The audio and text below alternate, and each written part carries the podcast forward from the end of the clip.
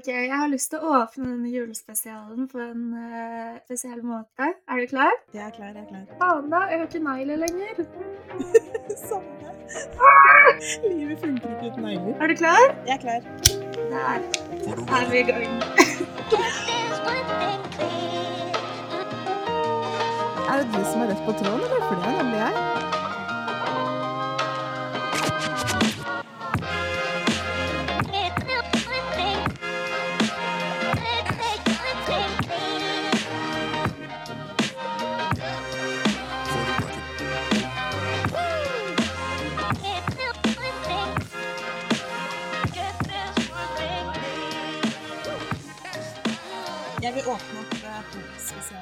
også, julespesialen. To, én.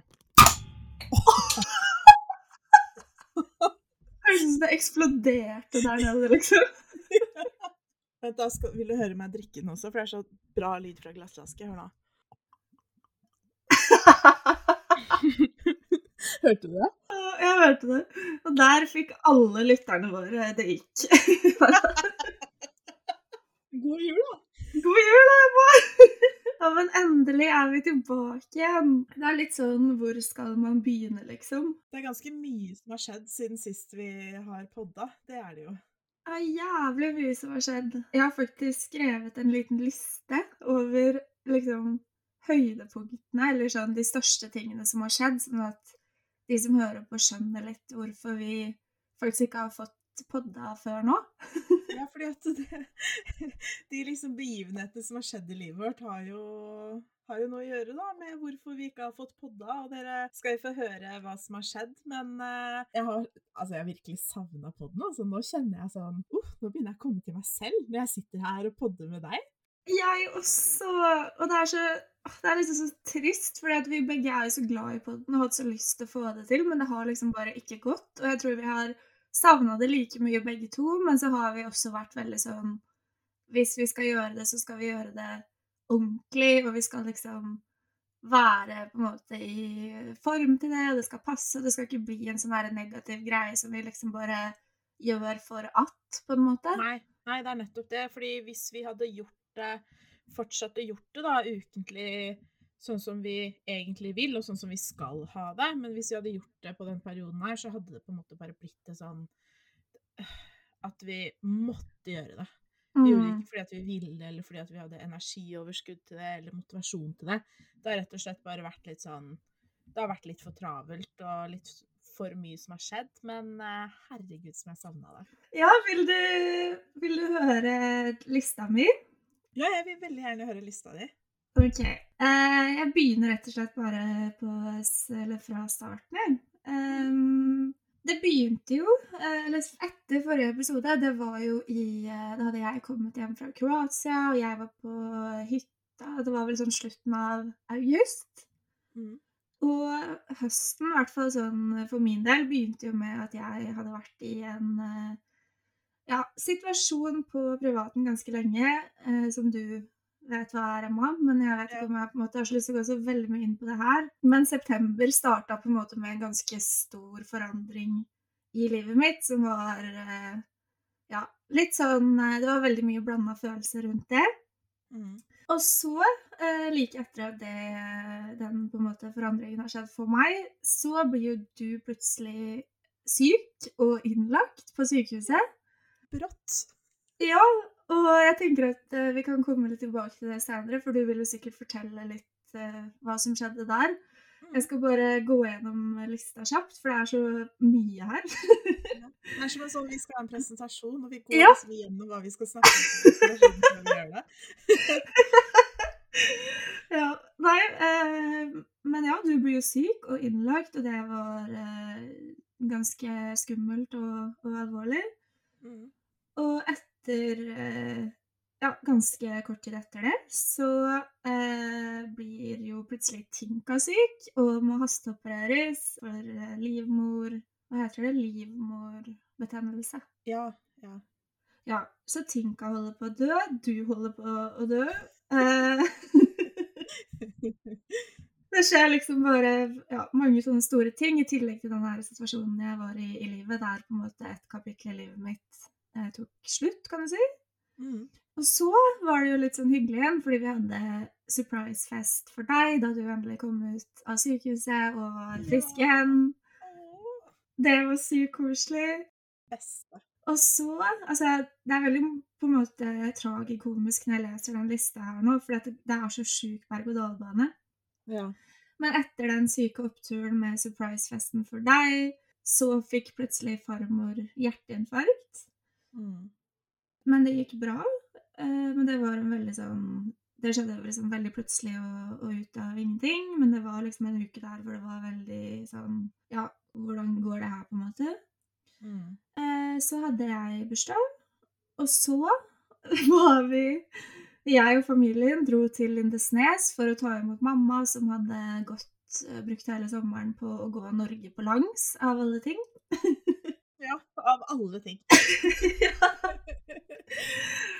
Dagen etter det så feiret jeg bursdagen min. Så flytta jeg fra Oslo og hjem til Gjerdrum. Og så, midt oppi flyttingen, så får vi plutselig beskjed om at eh, farmor hadde blitt veldig syk igjen. Og den tiden etter da, eller etter at vi fikk på en måte beskjed om at hun hadde blitt syk igjen, det var veldig sånn det er veldig sånn vakuum eh, Eller sånn boble, på en måte, da, der man Jeg var veldig, veldig Eller jeg var vel egentlig bare med familien, liksom, i nesten to uker, og bare fram og tilbake til sykehuset og Ja, veldig sånn der unntakstilstand, liksom. Og samtidig så var jeg jo midt i flytting, og alle som har flytta, vet jo hvor helvete det er i seg selv. Og så Ja, det var egentlig bare sånn helt jævlig tid der man på en måte hadde så mye man måtte gjøre med flytting, som du liksom ikke kom deg unna, og samtidig som Ja, jeg holdt på å miste farmoren min, da. Mm. Og det var så trist for Selvfølgelig for meg, men, men det var samtidig så utrolig vondt å se farfar og pappa og Ja, det var bare en skikkelig vanskelig periode, liksom. Mm. Farmor kriga skikkelig lenge, faktisk. Eh, men til slutt så, så døde hun. Mm. Og det starta jo på en måte en ny prosess med sorg og begravelse og veldig store forandringer, liksom. Samtidig som jeg på en måte akkurat hadde ja, flytta hjem, og liksom Oslo-kapitlet var litt over for denne gang. Jeg var ferdig i jobben. Altså, det var liksom bare en sånn suppe av store forandringer og vanskelige ting. Ja, når det er så ekstremt mye som skjer på en gang, så ja, da blir man litt sånn nedslått. Mm. Ja, det er akkurat det. Og så. Ja, veldig, veldig overvelda. Men så, så har jo på en måte ting blitt veldig bra igjen for min del etter det. Det kan jeg også komme litt tilbake til igjen. Men siden jeg er inne på det med farmor, så vil jeg bare gi en liten shout-out til farmor. Ja. For hun er eh, seriøst det fineste mennesket jeg noen gang har kjent. Og um, det var ekstremt trist at hun gikk bort, og hun er den første, første nære familie, eller i nær familie, da, som jeg har mista. Mm. Jeg har vært veldig heldig. Jeg har ikke vært, opplevd et dødsfall i på en måte min nærmeste krets siden jeg var liten. Mm. Eh, Så det var jo det var utrolig trist, men samtidig så føler jeg meg så ekstremt heldig som har fått kjenne henne så lenge, og ikke minst fått kjenne henne så godt i voksen alder selv, da. Ja. Og fått et så godt forhold til henne, og ja, hun er, eller var, bare en helt fantastisk dame med så ekstremt mye omsorg, og hun var en sånn dame som slapp alt hun hadde i hendene for alle andre, satt alle andre først. Det var liksom, hun var bare godheten selv. Og om noe, da, så har virkelig det at hun gikk bort, eh, gjort at jeg selv har jobba veldig for å bli en bedre person. Mm. Hun ble gammel og levde et utrolig fint og langt liv, og det er jo på en måte bare livets gang, men jeg vil liksom alltid ha henne med meg som på en måte det største forbildet, og bare en sånn Hun er en sånn en i en million-dame, liksom. Sånn du finner nesten ikke mennesker som henne. Så jeg vil bare gi en liten, eh, liten shout-out til eh, farmor. Å, det var så fint. Altså, jeg, altså, det, jeg husker altså, hvor godt forhold dere har. Jeg husker helt fra barneskolen så var det sånn Hvis det var en jentekveld, så var det aldri sånn åh, å nei, jeg kan ikke, jeg må til farfar og farmor, liksom. Det har alltid bare vært en sånn glede for deg å dra på besøk til de, og henge med de, og når de kommer på besøk, og Jeg husker det så godt at liksom farmor og farfar, det har alltid vært en sånn glede i livet ditt. Ja, Så jeg skjønner skikkelig godt hvor vondt det her er, og jeg skjønner at du vil gi en shout-out, for det har jeg skjønt at det er en bra dame. Ja, og det er skikkelig koselig at du sier. Og det er så det er hyggelig at du liksom husker det helt fra jeg var liten. For det er sånn Altså, farmor og farfar har vært sånn For det første så er de seriøse forbilder i at de har eh, vært gift i 67 år. Herregud. Ja, altså det er jo et helt liv, liksom. Ja. Og én ting er liksom Det å ha vært gift i 67 år er jo en kjempekul greie. Det er jo ikke så veldig mange som oppnår det, men det som er så ekstra fint med det, er at de har en sånn helt unik kjærlighet. Sånn, de har vært sammen i 67 år fordi de elsker hverandre, og de har liksom fortsatt vært like forelska omtrent. De har bare vært et så nydelig team, liksom. Og du, Mm. du ser, har liksom sett på de at sånn, vet du hva, de det er de to. De var sjelevenner. De var bare så ekstremt fine sammen. Og det er jo det som også gjør det så trist nå, fordi farfar er alene, og Mm. han savner henne jo veldig mye. Men det gjør også at jeg, jeg har så ekstremt høye standarder nå, tror jeg, til den Ja. personen jeg skal ende opp med, da, på grunn av de. Fordi at jeg vil ha det de hadde. Jeg vil ha den kjærligheten der som varer livet ut til man Selvfølgelig. Altså sånn hvordan farmor så på farfar, da. Hun har alltid sett på ham på den måten, men altså Måten hun så på han i den sykehussenga liksom den siste tiden, og bare sånn Mm. Som på en måte en 15-åring som var nyforelska for første gang, og Å, nå fikk jeg fryse. ja. Du vet, rundt kista så eh, ligger det jo ofte sånne kranser, og at de som på en måte vil gi en sånn hilsen av kanskje altså Jeg vet ikke helt hva det heter, men de der eh, Man skriver ofte noe liksom på de båndene fra de Ja, på de på Ja. Mm. Mm. Og der sto det jo selvfølgelig my, veldig mye fint fra familie og venner, og farmor har liksom betydd utrolig mye for veldig mange eh, utenfor familien også, da, så det var liksom skikkelig vakkert. Men det som skikkelig, eller som virkelig vippa meg av pinnen, var den kransen fra farfar. Så sto det 'Størst av alt er kjærligheten'. Din Louis, som farfar heter, da. Hvis ikke jeg får det der, så vil jeg ikke ha det, ass. Det er Det er akkurat den kjærligheten jeg føler man liksom drømmer om og ønsker seg, da. Og um, ja, litt sånn som jeg sa, oppi på en måte alt som har vært vondt, så har man liksom også kjent på en sånn en sånn takknemlighet som jeg syns er litt vanskelig å beskrive, bare sånn ovenfor farmor og farfar, da, hvilken rolle de har spilt i mitt liv, hvem de har vært for Eller hvem farmor har vært for familien. Eh, altså bare alt vi har opplevd sammen. Man bare kjenner på sånn Det er så trist at hun er borte, samtidig som man er så takknemlig for alt man har fått, og alt man har fått lære, da. Og se opp til. Så ja. Fine, fine, fine farmor. Å, fine farmoren din. Det er liksom det er litt det eh, som jeg kjenner nå, for nå er det jo en stund siden og man har liksom kommet seg over den der eh, den skikkelig sånn vonde perioden. Mm. Altså jeg savner hun så masse, men samtidig føler jeg meg liksom så full av kjærlighet for alt hun har gitt meg da i 26 år, liksom. Så Ja. eh, jeg besøkte jo farmor mye på sykehuset da hun eh, ble dårlig.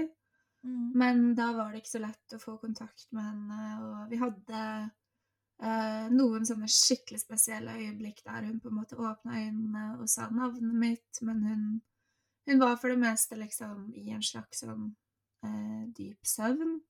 Mm.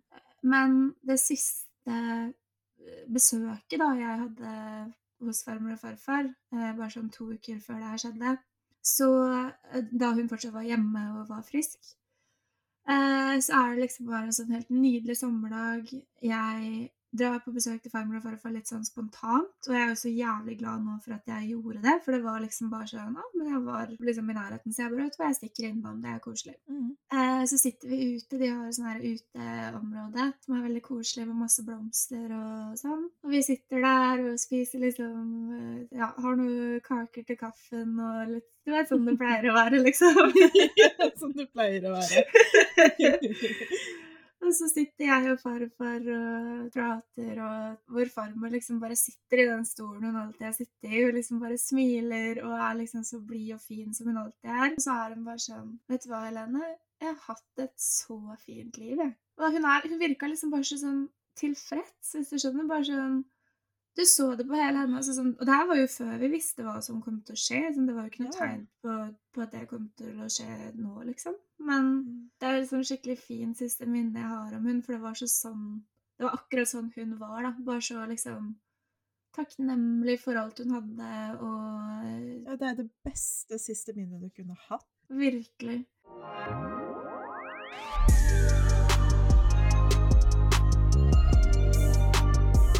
Har du kommet deg over at det skader imaget ditt nå? Ja, jeg har uh, kommet meg litt over det, men jeg har veldig sånn som et mål om at imaget mitt skal på en måte fortsatt være det samme. Uh, men uh, ja, det, dere skal få høre. Dere skal få høre. vi, kan jo starte, vi kan jo starte med når jeg ble syk, egentlig. For da, bare sånn så vi får liksom det litt unnagjort.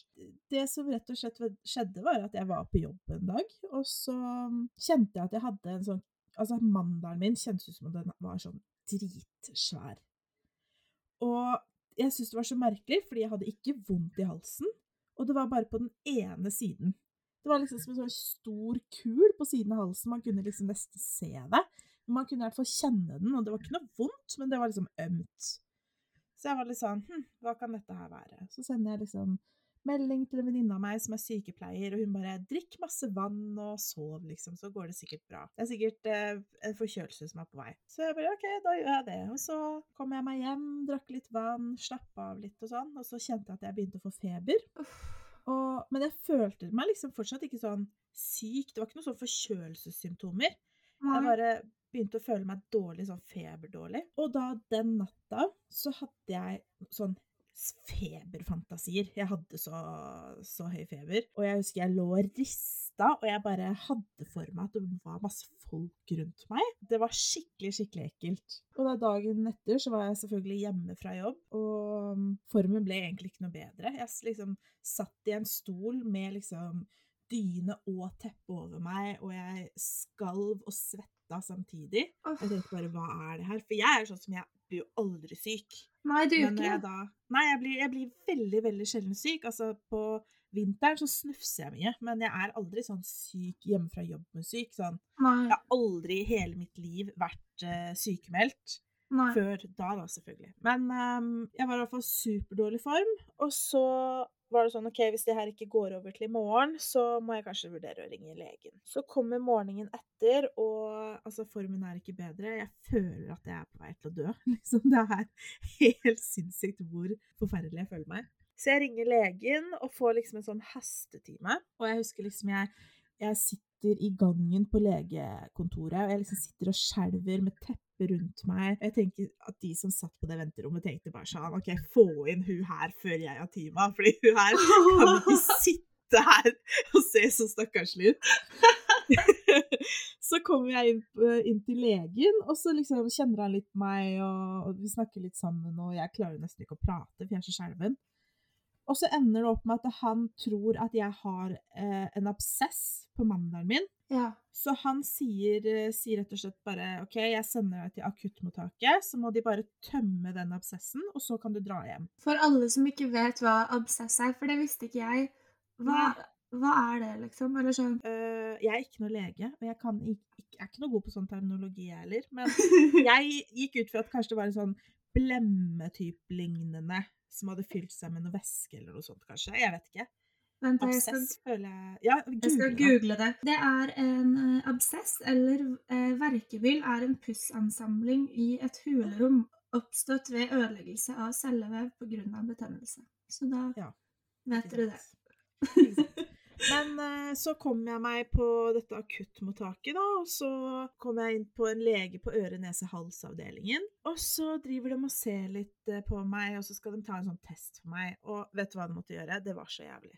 Nei. Eh, de tok en sånn lang, lang, tynn pinne, og så stakk de den inn i nesa mi, for så at den skulle gå ned i halsen. Oh, For å liksom titte med sånn kamera på, eller et eller annet, da, for å titte på den her eh, mandelen min, ikke sant. Og så husker jeg mens de hadde den liksom langt i halsen min, så var jeg sånn Jeg sa det mens de hadde den der, liksom. Jeg bare Jeg må spy, jeg må spy, jeg må spy. Men klarte å prate? Ja, jeg klarte å prate. Ja. Jeg bare Jeg må kaste opp, jeg må kaste opp, dere må få den ut, liksom. De bare, bare bitte lite, bitte litt til. og så da, når de endelig til slutt tar den ut, ja. så bare tenker jeg sånn Nå kaster jeg opp. Men det de gjorde, var at de vippa opp eh, beina på um, stolen, og så dro de ryggen helt bakover, så jeg sto sånn nest, Jeg lå sånn nesten opp ned på denne stolen. ja, for det var jo for at de skulle få blod opp til hodet mitt, ikke sant? Fordi at jeg fikk blodtrykksfall, fordi at jeg, jeg syntes det var så ekkelt at jeg fikk skikkelig blodtrykksfall. Å gud, så var det derfor du måtte kaste opp? ja. Og så jeg Altså, jeg skjønner ikke hva som skjer, men jeg bare Å, fy faen, det var jævlig. Og mens dette skjer, så er det da liksom en sykepleier som løper ut og inn og sånn av dette rommet. Du kan tenke deg mora mi, da, som sitter utafor og ser dette og bare tenker nå er det noe som skjer. Og så kommer hun sykepleieren og så sier hun sånn Datteren din hadde bare et blodtrykksfall. Og mamma skjønner jo ikke hva det er. Nei! Da får jo hun supernær bare Hva er det som skjer? I hvert fall så finner de ut at jeg har ikke en absess på mandelen. Det er ikke det som er greia. Eh, men eh, de vet ikke hva det er. Nei. De sier at eh, vi legger deg inn. Og jeg bare wow, vent, hva skjer nå? Jeg har jo aldri i hele mitt liv vært innlagt. Nei. Og selv om jeg følte at jeg var kjempesyk, så var det sånn Wow, er jeg så syk, liksom? Må jeg være innlagt på sykehuset? Ja, og du har jo fått beskjed om at du skal dit og tømme den, og så skal du hjem igjen, liksom. Ja, jeg var jo ikke forberedt på at jeg skulle på sykehuset, liksom. Da blir jeg innlagt, og de setter inn veneflon på meg, sånn at jeg får liksom antibiotika og smertestillende og sånn inn i kroppen. Og ganske lang historie kort, så um, lå jeg der en uke, Mm. og de fant vel egentlig aldri sånn helt spesifikt ut hva det var. Det som står i journalene mine, er at jeg hadde akutt uspesifisert tonsillitt, som er liksom betennelse i mandlene mine. Det var litt sånn Det var egentlig ganske grusomt, uh, hele greia, fordi at jeg ble Det tok så lang tid før vi så noe bedring, da. Mm. Formen min ble på en måte bare verre og verre til liksom kanskje dag seks. Ja. Uh, og da når jeg ble, fikk lov til å dra hjem, da, så var jeg fortsatt ikke bra. Eh, Jeg fikk jo bare lov til å dra hjem fordi det begynte å bli bedre. Mm. Det som var skummelt, var liksom hvor lang tid det tok før jeg ble bra, og eh, hvor sinnssykt høye infeksjonsverdiene mine var, og hvor mange antibiotikaer vi måtte gjennom før vi fant noe som funka, og det føltes liksom så håpløst ut der jeg lå, og jeg fikk så utrolig mye angst av Ja.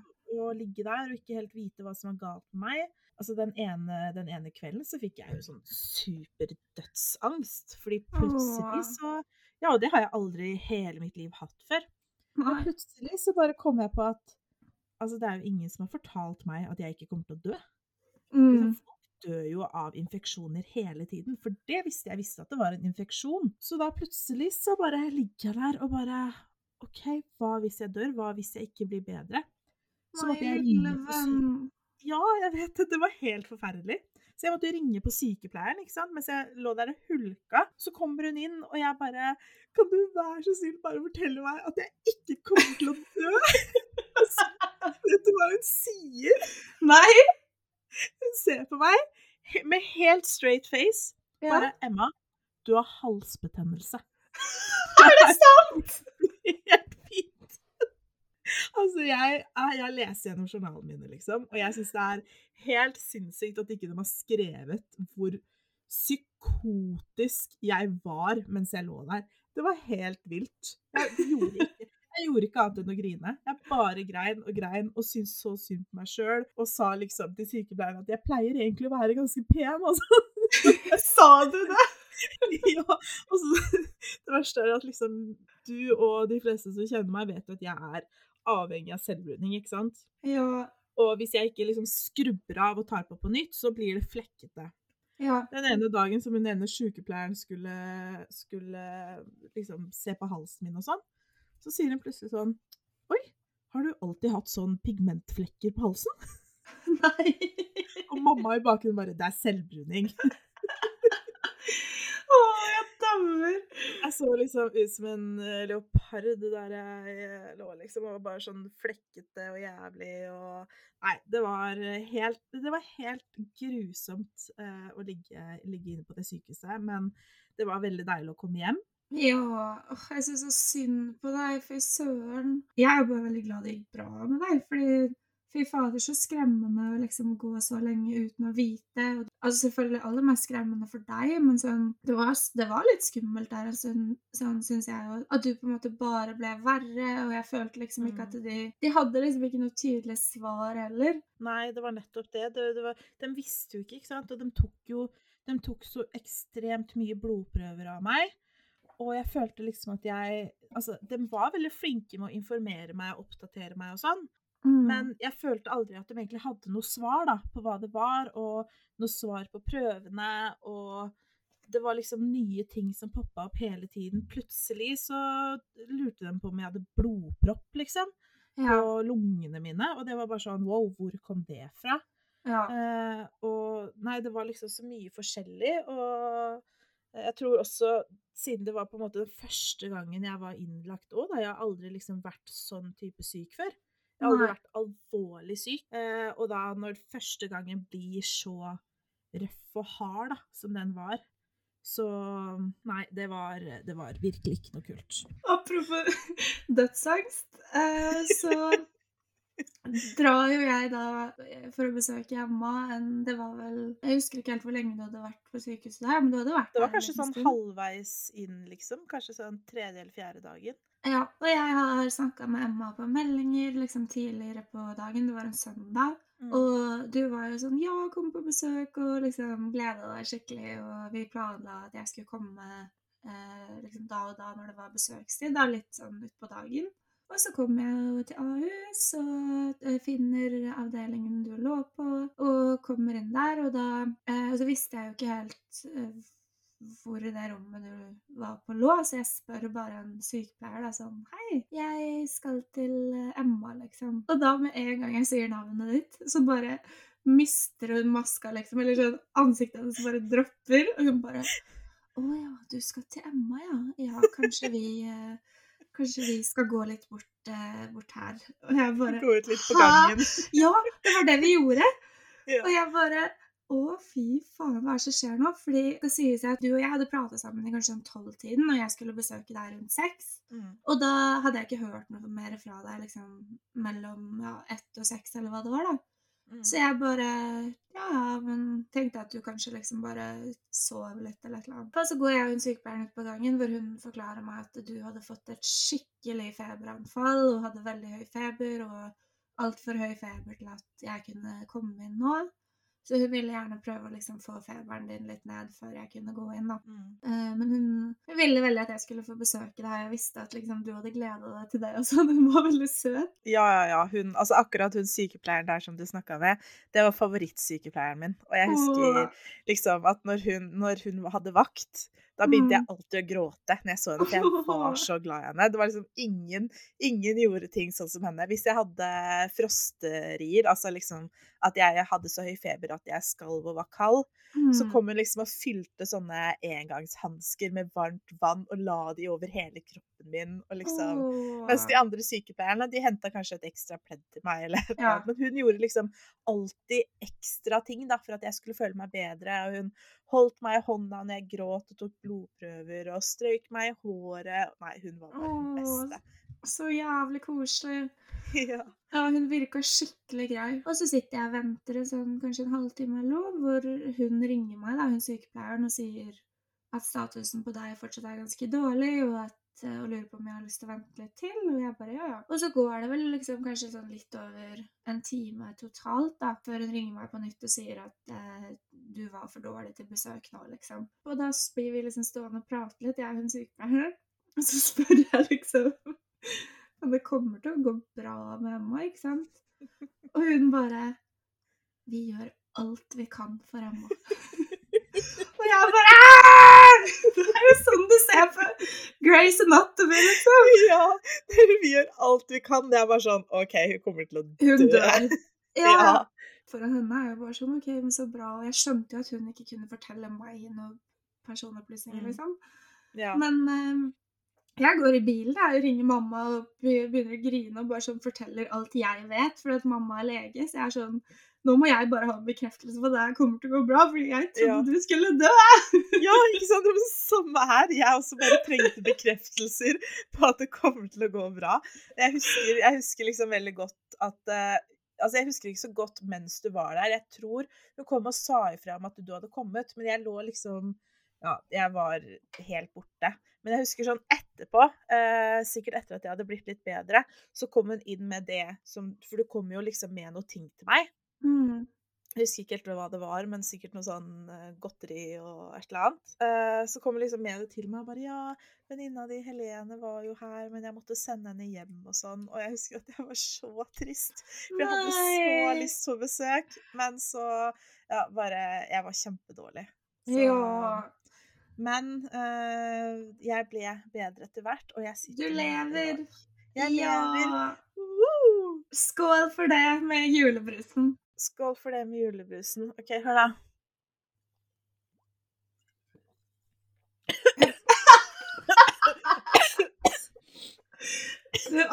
Ikke jinx det å dø under podinnspilling.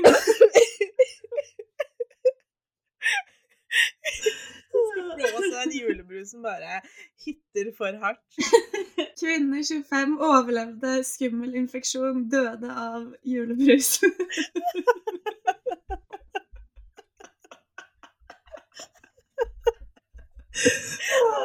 Tenkte, da blir du vitne, ja, faktisk. Og jeg har det på lydopptak. og du har det på lydopptak. Spille det av i begravelsen din. Hva siste ord?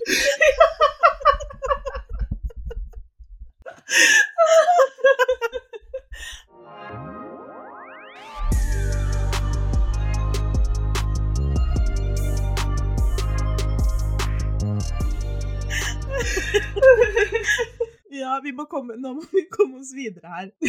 Fordi at jeg har en ganske annen eh, life update. Ja. Eh, fordi at eh, etter at jeg var innlagt, så. Eller mens jeg, husker, mens jeg var innlagt, så sa jeg jo til sykepleierne hele tiden at bare, bare gjør meg frisk. For Mm. jeg skal på ferie. Og den ferien trenger jeg. Altså, jeg har ikke, jeg har ikke vært på ferie på årevis, liksom. Mm. Og den ferien her, jeg, jeg skal dit uansett hva. Og heldigvis så ble jeg frisk. Fordi, eh, damer og herrer, eh, jeg skulle på ferie med maleren. altså, det som litt eh, Det som er litt gøy, da, er jo at eh, når maleren sjekka meg opp på Tinder, ja, det er jo da nå over et år siden, så eh, brukte han eh, sjekkereplikk med at eh, jeg måtte ta han med til Bulgaria for studietur, for han trengte å lære seg litt bulgarsk til, til han skulle på Nei, til jobben. Ja. Han tenkte å lære litt bulgarsk til jobben. Fordi, ja, for de som ikke vet det, så er jeg halvt bulgarsk, derav uh, Georgievs etternavn. Og jeg Mm. har uh, ferieleilighet i Bulgaria. Så det var liksom litt sånn han break, broke the ice da, på, til meg på Tinder. Så det var jo litt gøy da, at vi faktisk dro på studietur sammen. ja.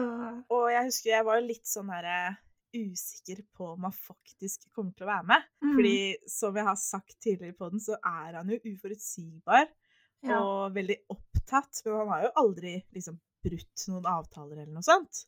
Så jeg Nei. vet egentlig ikke helt hvorfor jeg var så usikker, men jeg var litt sånn åh, ja, jeg tror det når jeg ser han på Gardermoen, liksom. Jeg var innerst inne så var jeg litt innstilt på at det kanskje kommer til å bli en alenetur. Jeg følte det var litt sånn make it or break it også i forhold til sånn Dukker han opp, så er det kanskje verdt å liksom sjekke ut hva det her faktisk er, på et litt sånn Mm.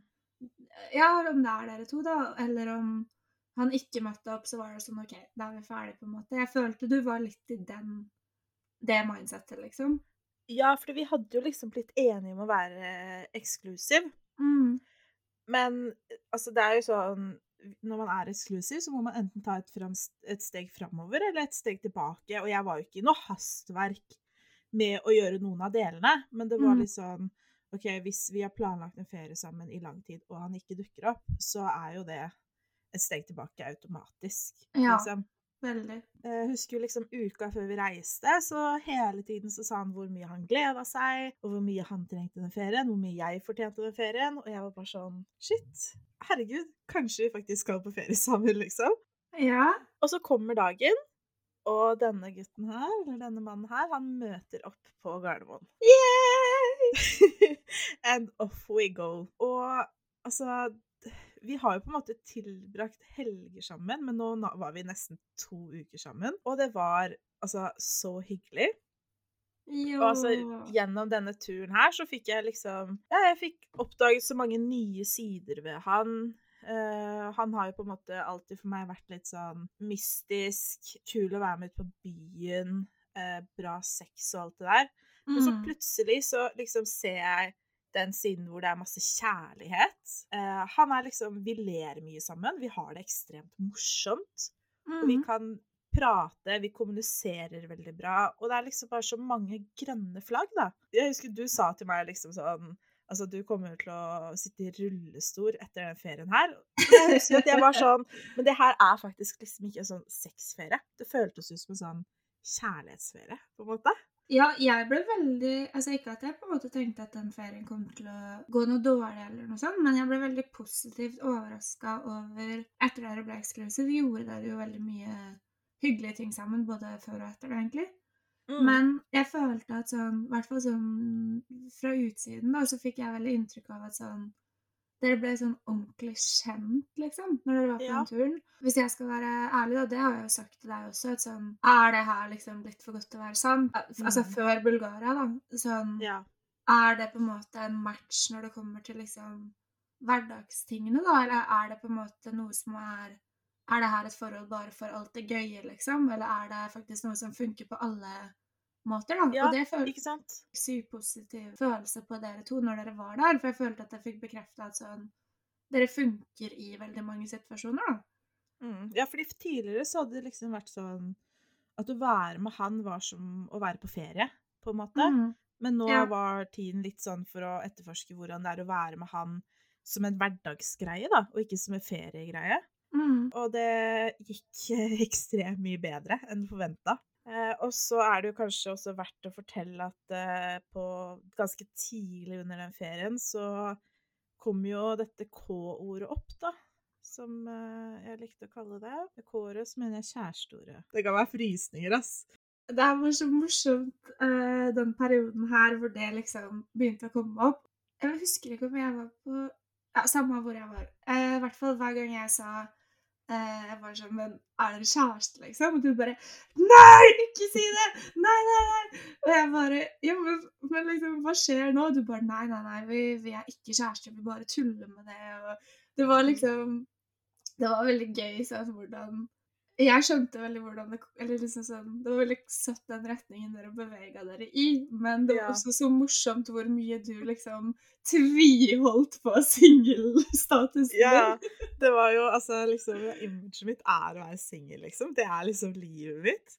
Men Jo. eh, så den eh, Ja, det var vel på dag nummer to så kom jo dette ordet først opp. Egentlig litt sånn ved en tilfeldighet, fordi han hadde lagt ut en video på eh, privatstoryen sin på Snap Mm. av han og en venninne noen dager før. Ja. Og så fortalte han da at eh, han hadde fått melding av en kompis, og han hadde skrevet liksom sånn Ja, er det kjæresten din? ja. Og så satt han liksom til meg og sa han sånn, ja, og da hadde han svart at eh, nei, altså, jeg har kjæreste, men det er ikke henne. Og så bare fortsatte han å prate, sånn helt vanlig. Og jeg husker at jeg bare Hva var det du sa nå? Mhm. Det var sånn som at jeg bare, jeg bare slutta å følge med på hva han sa etter det. Hodet mitt bare kverna på at han sa at ja, jeg har kjæreste, men det er ikke henne. Jeg sånn, Jeg har kjæreste? Er det meg du snakker om? Er jeg kjæresten din? Hvor kom dette her ifra? Og så husker jeg den kvelden så drakk vi oss skikkelig, skikkelig, skikkelig fulle. Mm. Og så Det er jo litt sånn fælt at ikke jeg husker det egentlig, hvordan vi kom fram til at OK, vi er kjærester. Men jeg husker liksom bare at jeg bare OK, greit, da er vi kjærester, da. Liksom. Og så, og så send, husker jeg at jeg sendte deg en melding og bare What the fuck? Nå sa vi at vi er kjærester i fylla, liksom. Er det her bare fylleprat? Mm. Eller er det for real, liksom? Sånn. Vi Ja. sa K-ordet. Hva skjer? Eh, og så da dagen etterpå så våkner jeg eh, ganske lenge før han. Mm. Og så sitter jeg da og kverner på dette her, bare sånn Shit, er vi kjærester? Er vi virkelig det? Og når han våkner, det første han sier, er 'Hei, kjæresten min'. Åh, Og da var jeg bare sånn OK, greit. Det er veldig koselig. Ja, det tok meg ganske lang tid å bli vant til uh, kjæresteordet, men, eller K-ordet, da. Men uh, nå begynner jeg å komme inn på det, og klarer liksom å gi litt slipp på at uh, Altså, personligheten min er ikke å være singel, men ja, eh, jeg kan fortsatt være like gøy. 100% Ja, og jeg har fortsatt de samme meningene. Jeg har fortsatt liksom Alt er det samme, bare at eh, jeg har kjæreste. Det er, du er veldig søt, Emma, fordi at det er sånn Alle andre, alle andre vet det, men jeg føler du liksom må overbevise deg selv om det. Jeg må bare passe på at ikke jeg mister meg sjøl, herregud. Nei da, men uansett så er det liksom Nei, altså akkurat det greiene der har på en måte vært så verdt det, da. Og for han. Eh, fordi det er liksom noe jeg bare lærer mer og mer hele tiden, er bare hvor sunt det jeg og han har, er, da. Ja. Og jeg, jeg kjenner at jeg hele tiden får sånne Jeg får sånn sjokk. Liksom sånn Shit, det er sånn her det skal være. Shit, det er sånn her jeg skal, skal bli behandla. Og jeg får så bakoversveis av å tenke på hvordan jeg har blitt behandla før, og hvordan ting har vært før, og hva jeg har funnet meg i. Mm. Og bare hvor Altså, dette her er bare så naturlig, og det er så sunt, og det er så fint, og så mye Altså, jeg stoler på han, liksom. Og Ja. det har på en måte vært noe jeg har sli Jeg har jo slitt så mye med sjalusi tidligere, ja. og trust issues og alt det der, men jeg kjenner ikke på det med han. Og Det syns jeg er så fint. Ja, jeg, jeg også syns det er liksom Jeg kan Fordi at det vet jo, har jeg jo sagt på podden før, at han er på en måte mye borte. Altså han kan være mye, mye jobbing, eller at han er vanskelig å få tak i.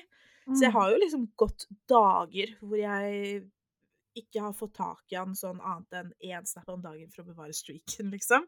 Ja. Eh, men det går helt fint. Altså, det Ja. er, det er ikke noe Det er ikke noe ma dårlig magefølelse. Det er ingenting i bakhodet mitt som er sånn Hva faen er det han driver med? Liksom. Det er bare sånn Det er ikke noe shady.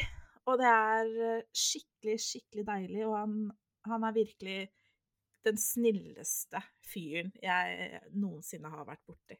Ja, åh, det gjør meg så glad, og det har vært så sinnssykt koselig å liksom se utviklinga dere to imellom også, og se deg så glad og bli behandla sånn som du fortjener, ut ifra alt det du har fortalt, og hvordan jeg ser deg med han. Altså, du, du stråler, og det som er så fint da med han, er at han virkelig liksom holder det han lover. Jeg føler at Ja.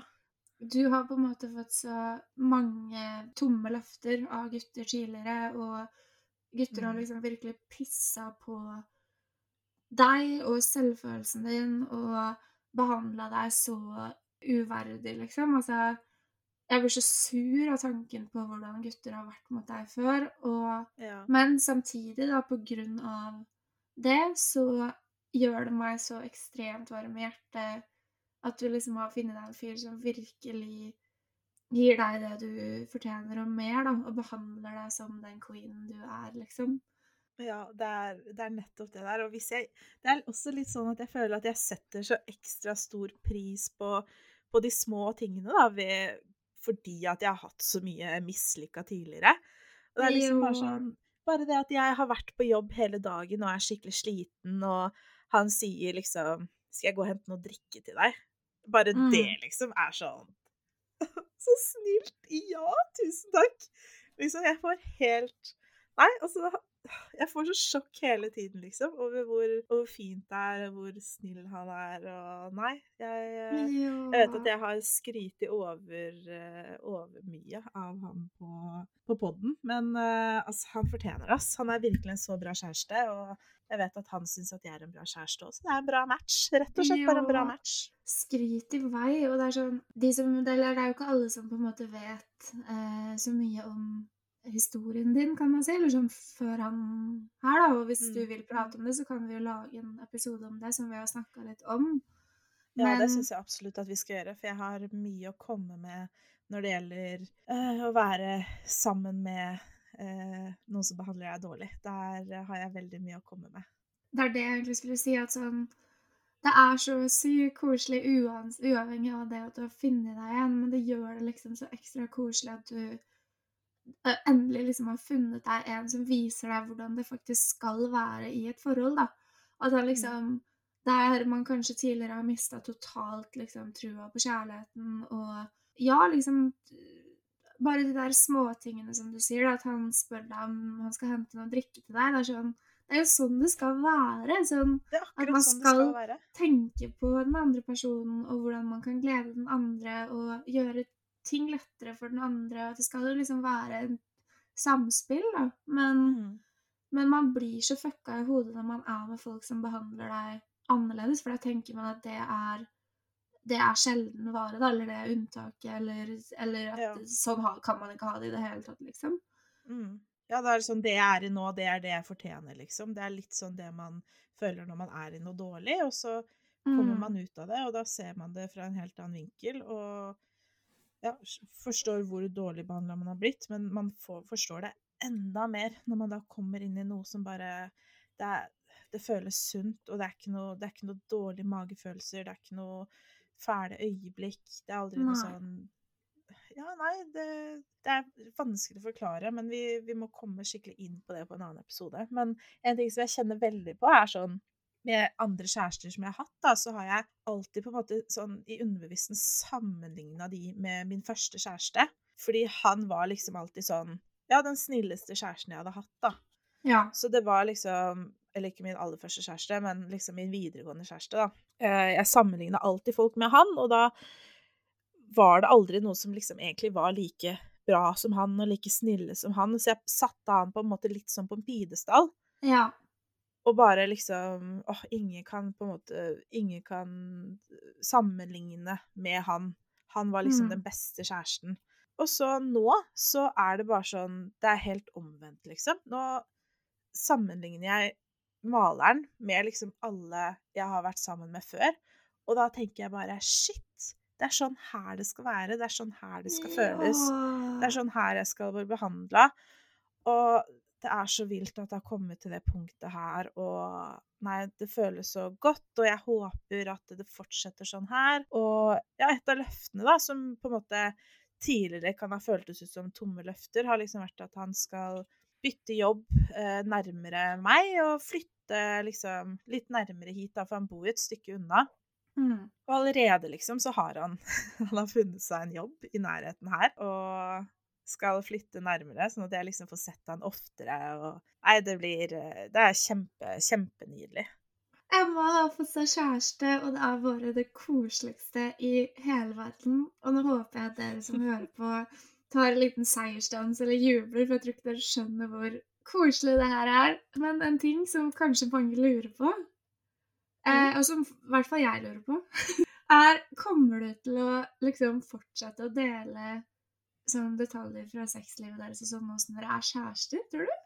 Eh, ja, altså for min del så gjør jeg gjerne det. Eh, jeg tror, eh, tror, han er OK med det, han også. Ja. Ehm, tror jeg. Det må jeg ta litt sånn uh, samtale med han om, tror jeg. han har jo alltid syntes at det har vært kult at jeg prata om han i poden, liksom. Og ja.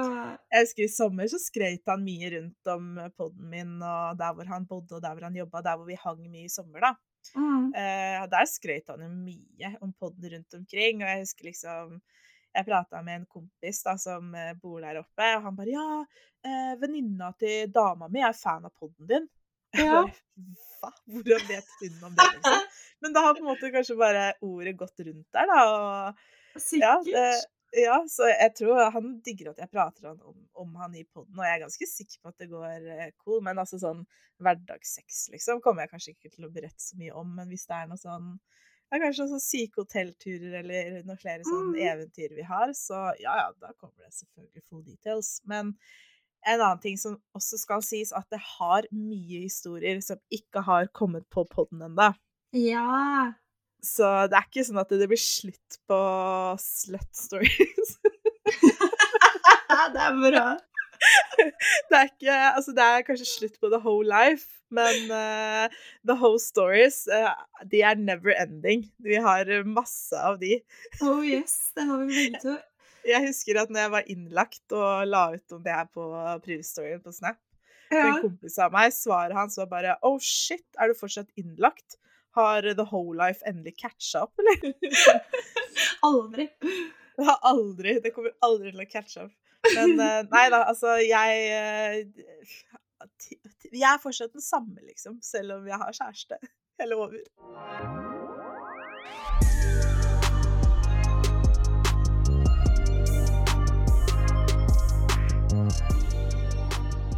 Apropos whole, uh, whole life, holdt jeg på å si, så har jeg en morsom historie å fortelle deg òg. Er det fra helgen? Og det er fra helgen. Og jeg har uh, også en Det skjer jo snart noe ganske sykt i livet mitt, som uh, sikkert også innebærer ganske mye morsomme historier framover. Men jeg tenker kanskje vi eh, tar det i neste episode. Ja. Og så runder vi av for denne gang. Skal, du, skal du live oss på sånn cliffhanger med hva som skjedde i helgen? Jeg kjenner jeg er sykt spent. da får dere høre på neste episode.